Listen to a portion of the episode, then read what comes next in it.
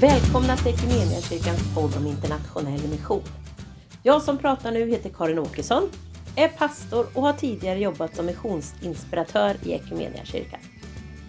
I dagens avsnitt möter jag Henrik Götefelt, internationell koordinator på Equmenia. Henrik är Stockholmskillen som flyttade ut på landet för att komma närmare livet och som ett konkret uttryckssätt för sin tro. Vi samtalar om vikten av att bygga det internationella arbetet på relationer. Arbetssätt, projekt, anställd personal och så vidare förändras över tid, men relationer är långvariga och består också i tider av förändring. Henrik talar om vikten av att bjuda in och ta tillvara på de ungas internationella engagemang genom att fråga på vilket sätt de vill vara engagerade och inte per automatik ge dem en plats och uppgift i befintliga grupper eller former. Barn, unga och internationell mission. Det är vad dagens avsnitt handlar om. Nu kör vi!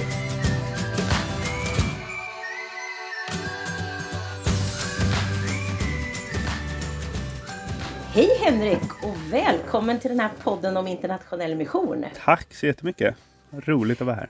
Ja, men det är kul att se dig här på skärmen. Men du, Henrik Götefelt. Mm. Eh, jag har ju läst i Sändaren bland annat om dig och då man ju få en liten bild av vem du är. Men om du själv ska presentera dig, vem är du? Eh, ja, då ska jag säga att jag är Henrik Götefelt. Det är ju helt korrekt. Eh, jag jobbar som internationell koordinator på Equmenia. Eh, så jag är ansvarig för vårt internationella arbete med allt vad det betyder. Men är också uppvuxen i Stockholms förorter men har hamnat på landet. Så nu har jag massa höns och hund och odlingar och sånt där. Det tror jag ringer in mig kanske ganska bra. Och det kan man ju faktiskt läsa om i den här eh, artikeln som jag refererade till innan då, eller 12 augusti 2020. Så står det att du och din fru flyttar ut på landet. Och jag måste bara fråga, varför flyttas en Stockholmkille ut på landet? Jo men det, det, var, det, det, det var inte självklart alls. Eh, när jag växte upp var jag liksom, eh, ska man säga, rädd för alla djur och föredrar, föredrog liksom tunnelbanan framför skogen och sånt där. Men det blev liksom tydligare livet hur mer på riktigt livet också är på landet på något vis. Och det handlar ju också om att komma närmare eh, liksom Gud och skapelsen och liksom ja, men ett liv som är lite mer på riktigt. Liksom. Jag, jag, för mig har det betytt jättemycket att förstå vart min mat kommer ifrån. Liksom. Jag hämtar ägg från hönsen istället för att köpa det på ICA. Eh, och det ger mig en annan liksom, rotning i, i skapelsen och på jorden och sådär. Enkelt sammanfattat, eller krångligt sammanfattat. Jag vet inte.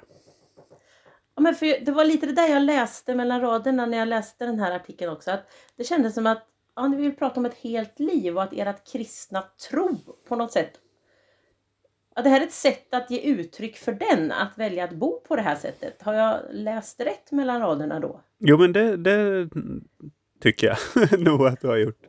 Eh, jag vill ju tänka att allt som man gör i livet ska reflektera ens kristna tro på olika sätt. Och det här har ju varit vår, vår väg.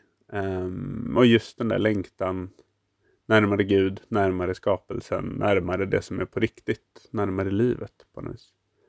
Um, så det tycker jag nog definitivt att du har förstått oss rätt. Jag tror ja, att jag håller med om det fortfarande. Ja, Men livet är ju en resa, så vi får se vart vi hamnar till sist. Ja.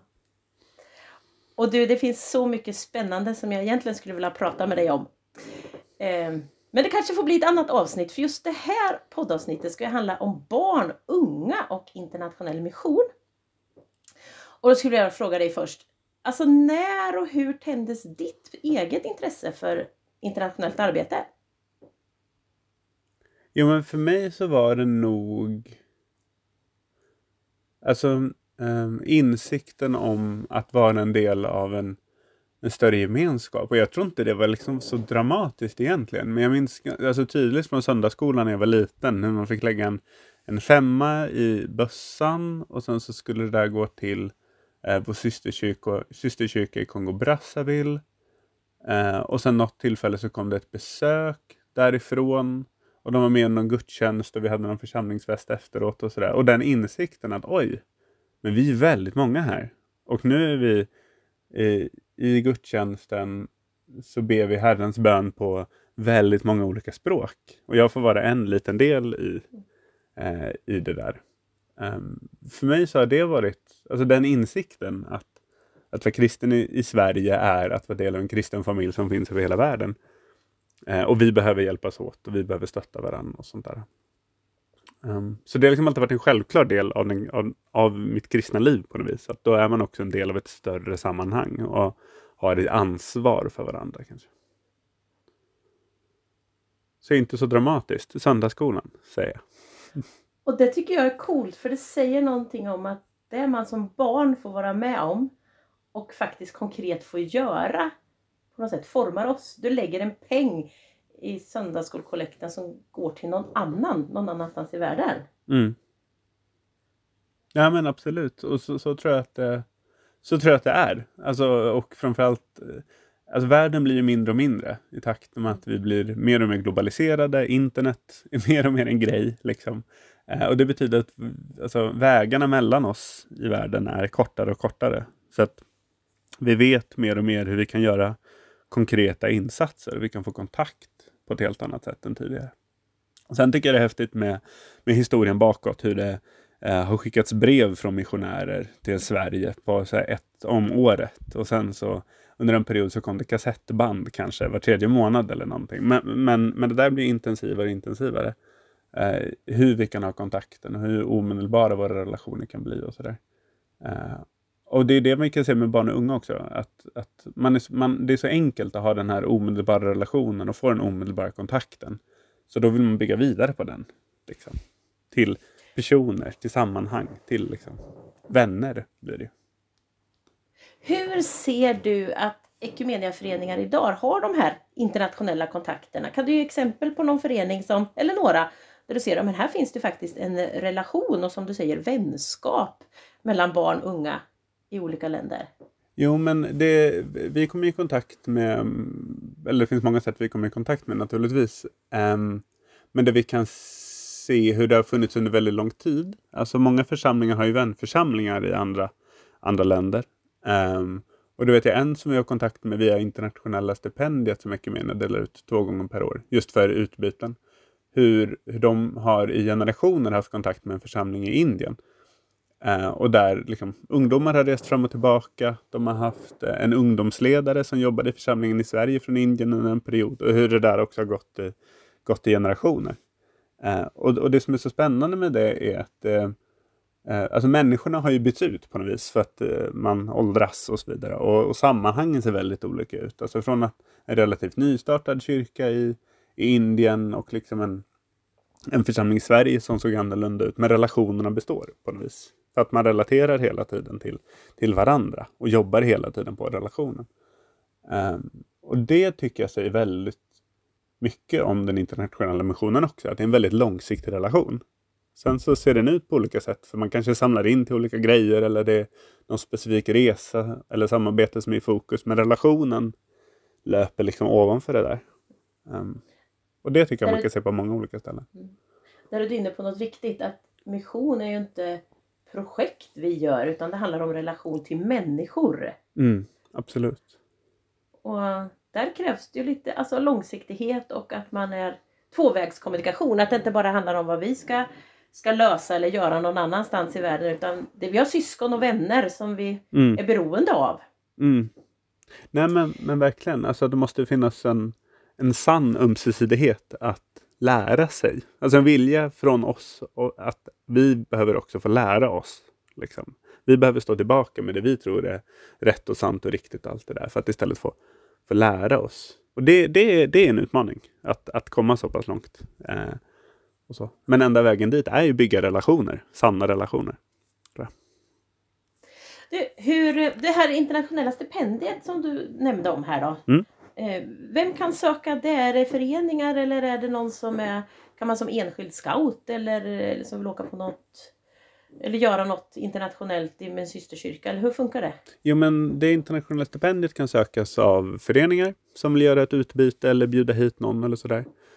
Eh, det kan också sökas av, av enskilda som eh, vill göra en resa och så. Sen finns det ett enskilt scoutstipendium och det handlar mer om jag vill åka på det här scoutlägret eller göra den här internationella vandringen eller vad nu scouter gör för någonting. Det är inte mitt område.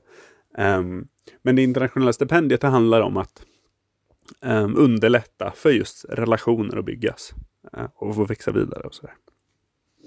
Och det antar jag att det finns information om på Ekumenias hemsida? Yes, det gör det. Absolut. Nyuppdaterad och fräsch information. Superbra! Mm. Och är det du som sitter på andra sidan den mejladressen liksom? Eller? Ja, det är det. Ja. Inte mer internationellt ekumenia.se tror jag att det är. Det, då får man mejla med mig om man vill. Mm, härligt! Mm. Men du, vad gör man som internationell koordinator på Ekumenia? Vad är dina arbetsuppgifter? Liksom? Oh, jag gör så många olika spännande saker. Eh, dels så handlar det om liksom, Eh, de internationella relationerna, våra internationella kontakter och lite med det här dagliga mellan eh, motsvarande funktion i andra samfund och sådär. Och det kan handla om att här, kolla läget eller kolla hur ett projekt är eller utreda möjligheterna för något utbyte och sånt där. Um, det, och det, det är mycket det att bygga relation. Då. Um, och sen så handlar det om ibland om att förmedla ekonomiska eh, bidrag. Alltså som vi i Sverige har fått samla in och som ska komma andra människor till del. Att, att rådda med det, logistiken kring sådana saker. Um, sen handlar det också om att ordna med olika utbyten. Det kan handla om våra om folkhögskolekurserna, typ eh, Glokal, jag är lite involverad i APG 29 och sådana saker. Det handlar också om att skapa förutsättningar när du har varit ute och gjort en internationell erfarenhet att hamna i ett sammanhang i Sverige där du kan få växa vidare och möta andra som har gjort liknande erfarenheter och sådär. Eh, och sen så handlar det ju hela tiden om att tänka framåt och tänka strategi och, och sådär. Så det är ett väldigt, väldigt brett arbete. Och då är det ju så bra att det inte bara är jag, utan jag är ett fantastiskt stag, alltså en grupp eh, ideella eh, som hjälper och stöttar och ett jättebra bollplank. Jag jobbar nära Ekumeniakyrkans internationella avdelning och sådär. Och förstås mina andra kollegor på Ekumenia också. Mm, du, om det finns en församling som har en Ekumeniaförening nu då. Mm. Eh, som inte känner att ja, men vi har inte de här relationerna personligt liksom. Eh, med någon, något internationellt. Hur kan man starta upp det eller hur kan man påbörja en relation? Och vänder man sig till dig då eller? Det är ett jättebra första steg. Eh, för det där är ju inte helt enkelt. Alltså hur startar man en sån relation? Men det vi försöker göra och jobba mer och mer med Eh, när vi har, vi har antagit en ny internationell strategi nämligen, där vi försöker betona just det här relationsbyggandet mellan föreningar i Sverige och eh, föreningar och församlingar i andra delar av världen. Och framförallt då alltså barn och unga i Sverige och barn och unga i andra delar av världen. Eh, och försöka hitta former för det där. Så, så hur det antagligen kommer gå till, det är att om föreningen mejlar mig och så säger jag Åh vad roligt, vilka är ni? Vad gör ni för någonting?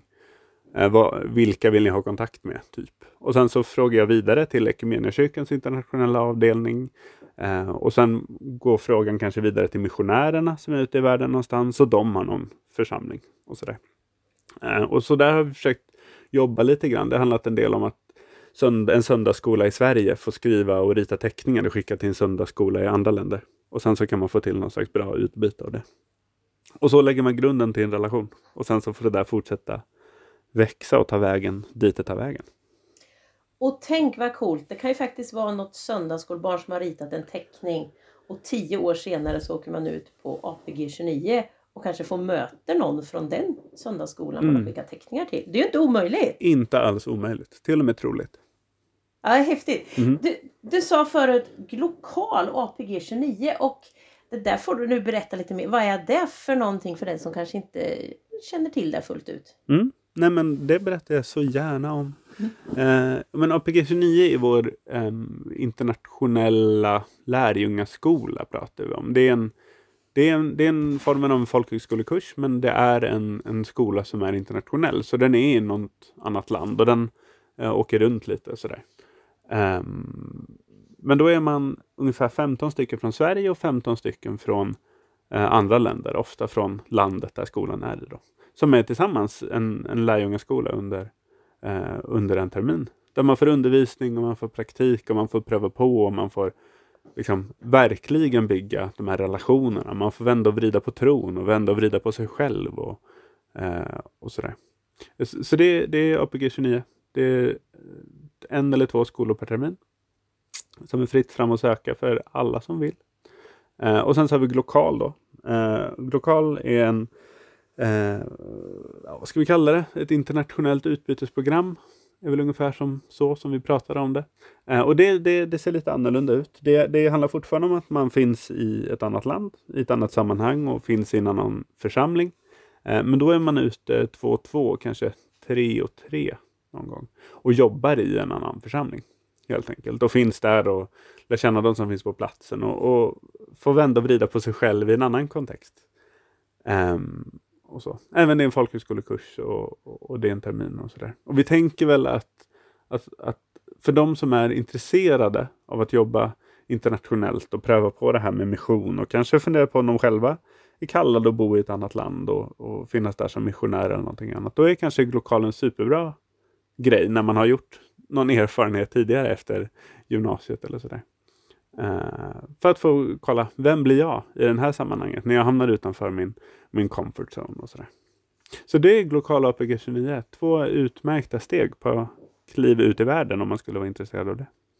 Spännande! Och när du nämnde det förut så sa du så här att ja, och så, när man kommer hem ifrån exempelvis Glokala APG 29 så jobbar du med att man ska kunna liksom fortsätta dela erfarenheter och, och leva utifrån de nya reflektionerna. Och, ja, ett nytt sätt att leva som lärjunge kanske när man kommer hem. Eh, hur ser den strategin ut? Hur, hur kan man liksom tota ihop folk efter en sån erfarenhet då? Ja, men det där är ju superspännande frågor som vi jobbar med just nu tillsammans med Equmeniakyrkan väldigt intensivt. Vi hoppas att vi kan få igång någon typ av nätverk, någon återkom någon återkommande träffar kanske och sådär typ om ett år. Hoppas vi får till det. För, vad, för vad, vad som ofta händer är när du har gjort en internationell erfarenhet att man blir väldigt uppfylld av det och man har varit med om saker. Och, och sen kommer man hem till Sverige och möter sitt gamla sammanhang som ju inte alls har gjort samma erfarenhet. Och man kan uppleva, det, det kan när jag pratar med många, att de upplever ofta kulturkrocken när man kommer hem som värre än den man var med om när man var ute på något vis. Um, och vart tar man vägen då? Och, så där. och då tror vi att det är viktigt att man får träffa andra som har gjort liknande erfarenheter. Eh, och för att få fortsätta växa och fortsätta processa vad man har varit med om och tillsammans fundera över ja, men vad är nästa steg? Hur, hur går vi vidare nu?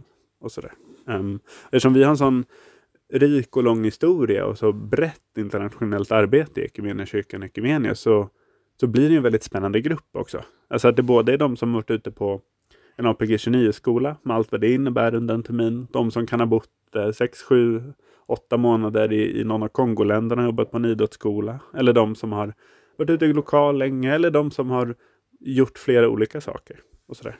Um, så vi tror att det händer väldigt spännande och väldigt viktiga saker när de här människorna får, får mötas och sådär. Uh, och det vill vi se vad som händer.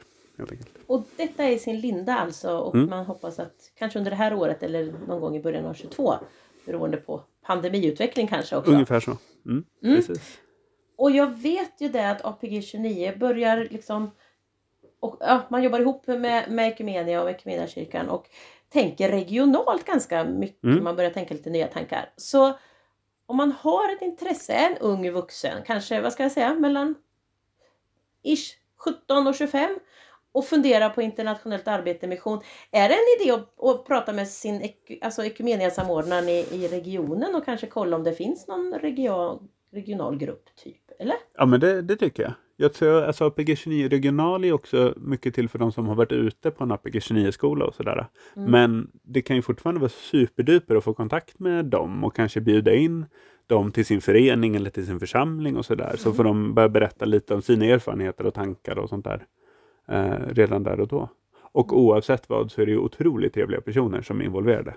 Så att det är fantastiskt kul att ha kontakt med dem. Jag håller med. Det är mm. bra folk helt enkelt. Bra folk. Ja. Men du, de här som har varit ute med lokal APG 29, tror du de skulle vara intresserade att åka ut i föreningar och typ ha en konfakväll eller en ungdomssamling eller en söndagsskolträff och, och liksom dela erfarenheter och peppa andra unga? Ja, det tror jag definitivt. Absolut. Det är det bästa sättet, eller det är ett väldigt bra sätt i alla fall för att liksom levandegöra vad det här handlar om egentligen. Eh, Ekumenia har ju under lång tid stöttat ett, eh, ett projekt som heter Restoring Lost Childhood eller Restoring Childhood. Det är vår systerkyrka i Indien som driver det och det är några skolor de driver i väldigt utsatta områden i Indien då. Eh, och det är skolor för barn som inte av olika anledningar inte kan gå i den vanliga skolan. Eh, och sen med målet att de till sist ska kunna komma tillbaka till skolan och få en utbildning och sådär. Och det har vi stöttat, stöttat under väldigt lång tid och vi har ju många unga som har vuxit upp och det har liksom varit det man har samlat in på för läger eller olika samlingar och sånt där.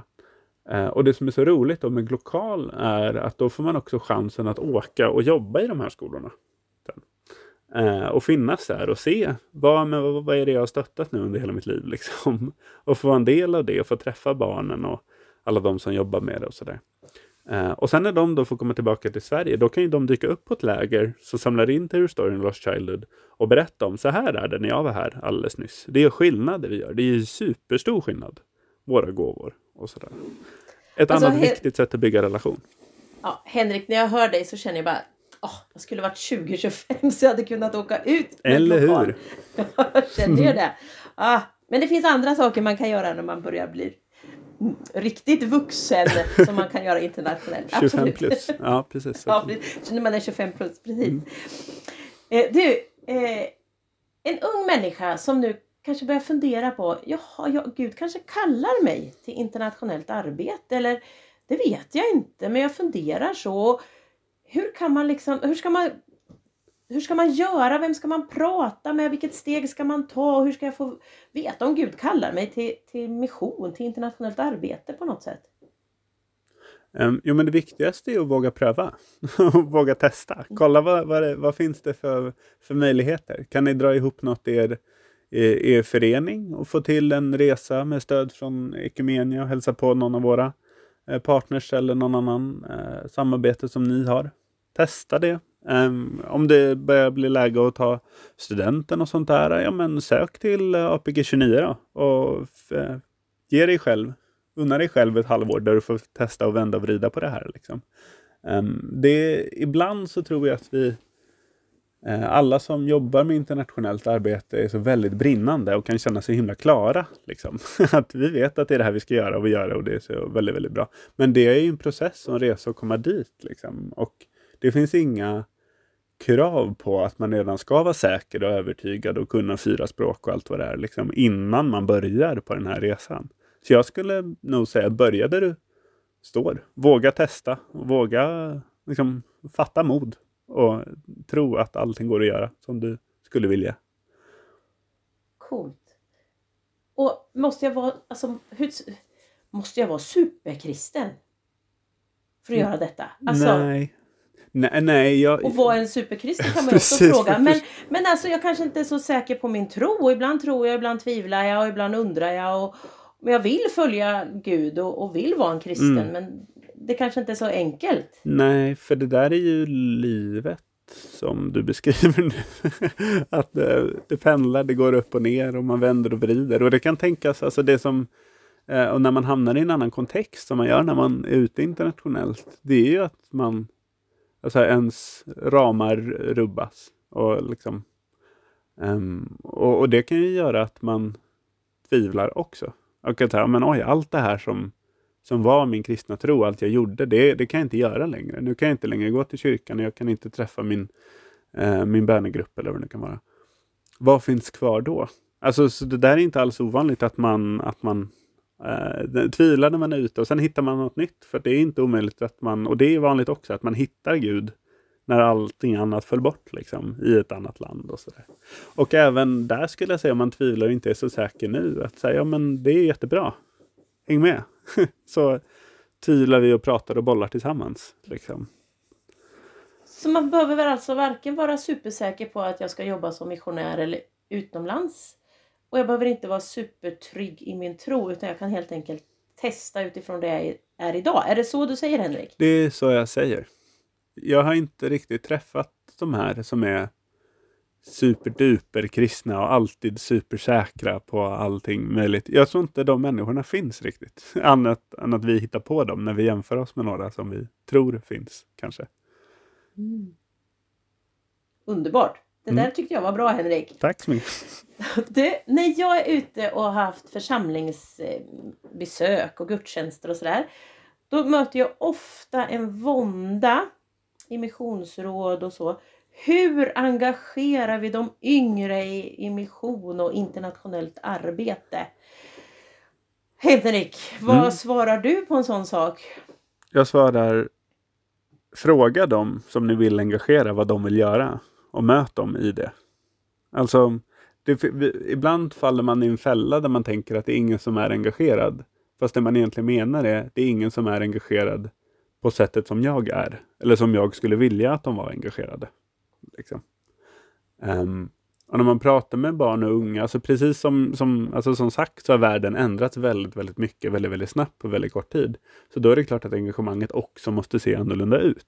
Liksom. Och det krävs en ödmjukhet och en öppenhet inför att, alltså bara för att någon är engagerad på ett annat sätt än vad jag är, så är det fortfarande fullgott på något vis.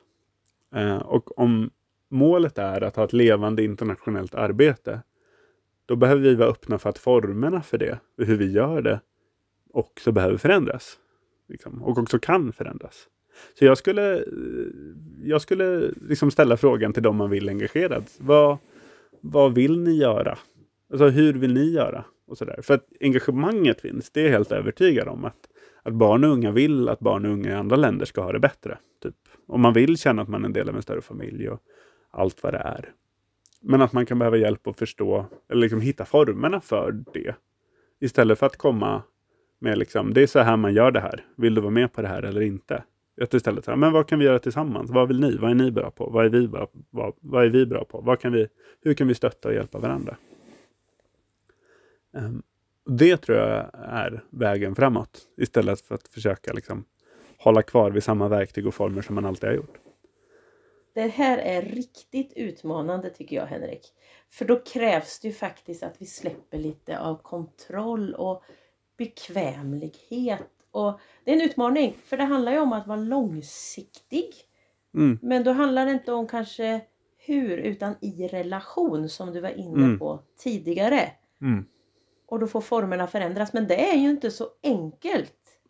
Nej, Tänker men, jag. Nej, det är det verk- Nej, det är verkligen inte. Alltså, och jag tycker att man behöver ha en stor ödmjukhet i utmaningen också. Alltså, ingenting gör mig mer rörd än när jag träffar de här människorna som har varit engagerade i 40, 50, 60 år liksom, Mm. för, för någonting. Ehm, och lagt ner liksom själ och hjärta och kärlek och allt det där i det. Ehm, och jag, men jag tror att det händer något fantastiskt i mötet när man börjar prata om varför. Varför har man gjort det här så här länge? För den frågan, alltså svaret på frågan varför, för att vi älskar varandra och vi är en del av en större familj. Den är ju lika sann, det är ju fortfarande svaret, det måste ju fortfarande vara svaret. Men hur visar vi det nu? Det, där sker ju förändringen på något vis. Och där måste vi vara öppna för att det ser annorlunda ut. Och jag menar, jag förbereder mig redan för att bli ifrågasatt. Jag blir redan ifrågasatt när jag pratar med yngre om hur jag tänker att man ska göra saker. Ehm, men jag tänker att det är då det blir spännande, när man grejer att bli utmanad och vi tillsammans kan hitta vägen framåt.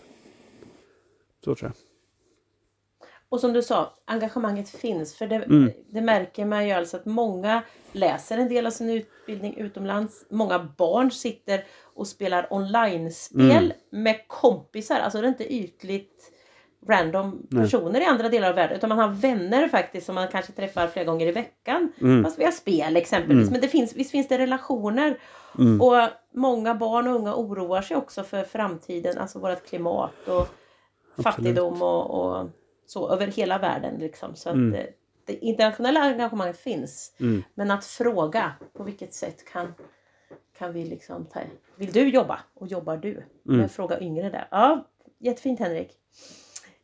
Oj, oj, oj. Det finns mycket mer att prata om detta. Det Mhm. kanske blir en del två. Men du, finns det någonting mer som jag borde ha frågat dig nu innan jag avslutar det här med fem snabba? Eh, ja, alltså en sak som du skulle kunna fråga om är eh, vem, alltså, jag, vem bör bära relationen? Mellan, alltså, eh, när har Ekumenia och Ekumeniakyrkan en relation till, ett annat, till en annan systerkyrka? Om du förstår vad jag menar. Mm. Då ställer jag den frågan och tack. så får du svara på den. Jo, nej men och då ska jag säga så här att vi eh, med hur världen har sett ut tidigare, då har det varit naturligt att alltså, relationen till andra kyrkor i andra länder har, har liksom burits av de som har äran att vara nationellt anställda, för det har krävts ganska mycket resurser. Liksom. Eh, men nu så tycker jag det är så oerhört mycket viktigare att, att det är lokala föreningar och församlingar som äger relationerna.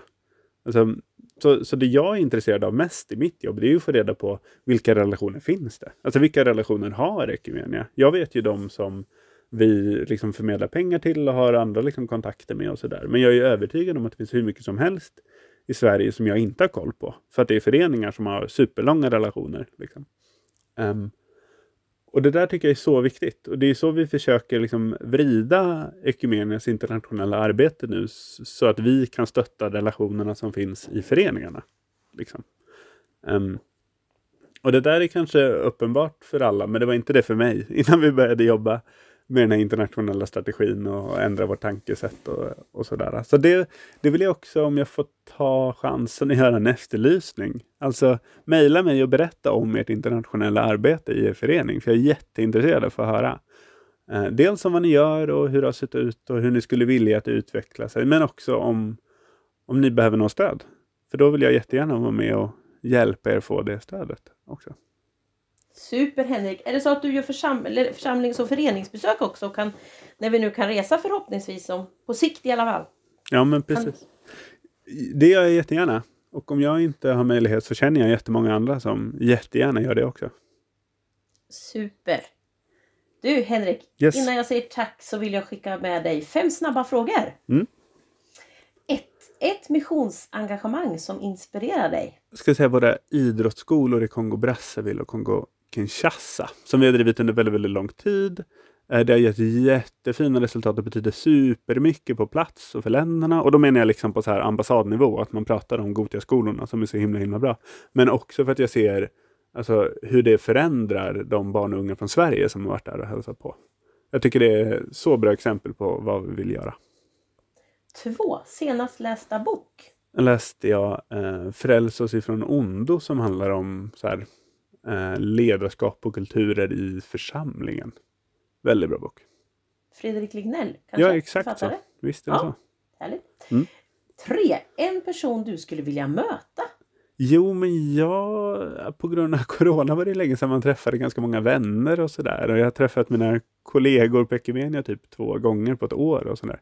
Så listan är lång över personer jag skulle vilja möta. Härligt. Vi hoppas det snart får bli möjligt. Ja, absolut. Ja. Fyra. Tystnad eller bakgrundsmusik? Eh, det beror lite på stämning. Eh, jag gillar att laga mat och sånt där och då vill jag gärna ha musik eller någonting på i bakgrunden. Men om jag ska sitta och skriva då behöver det nog vara tyst tror jag. Fem. Det bästa med Ekumenia och Ekumeniakyrkans internationella mission? Jo, men jag tycker att vi har ett sånt klockrent fokus i att vi vill skapa och bygga relationer. Och det är så fantastiskt mycket fina människor som är involverade i det här. Som bara har världens största hjärtan och världens största värme i allting som händer. Och det blir väldigt, väldigt roligt att få jobba då och få göra häftiga grejer. Så det skulle jag säga. Alla människor som är involverade överallt. Underbart! Och med de orden Henrik, stort tack för det du gör i våran kyrka och i våran ungdomsförbund. Heter det förbund förresten? Ja, varför inte? Varför inte? Ekumen i alla fall. Mm. Och för den du är. Och jag önskar dig Guds välsignelse både med höns och hund och liv på land och din tjänst. Ha det riktigt bra nu och stort tack. Tack, tack, tack. tack. Hej då. Hej då.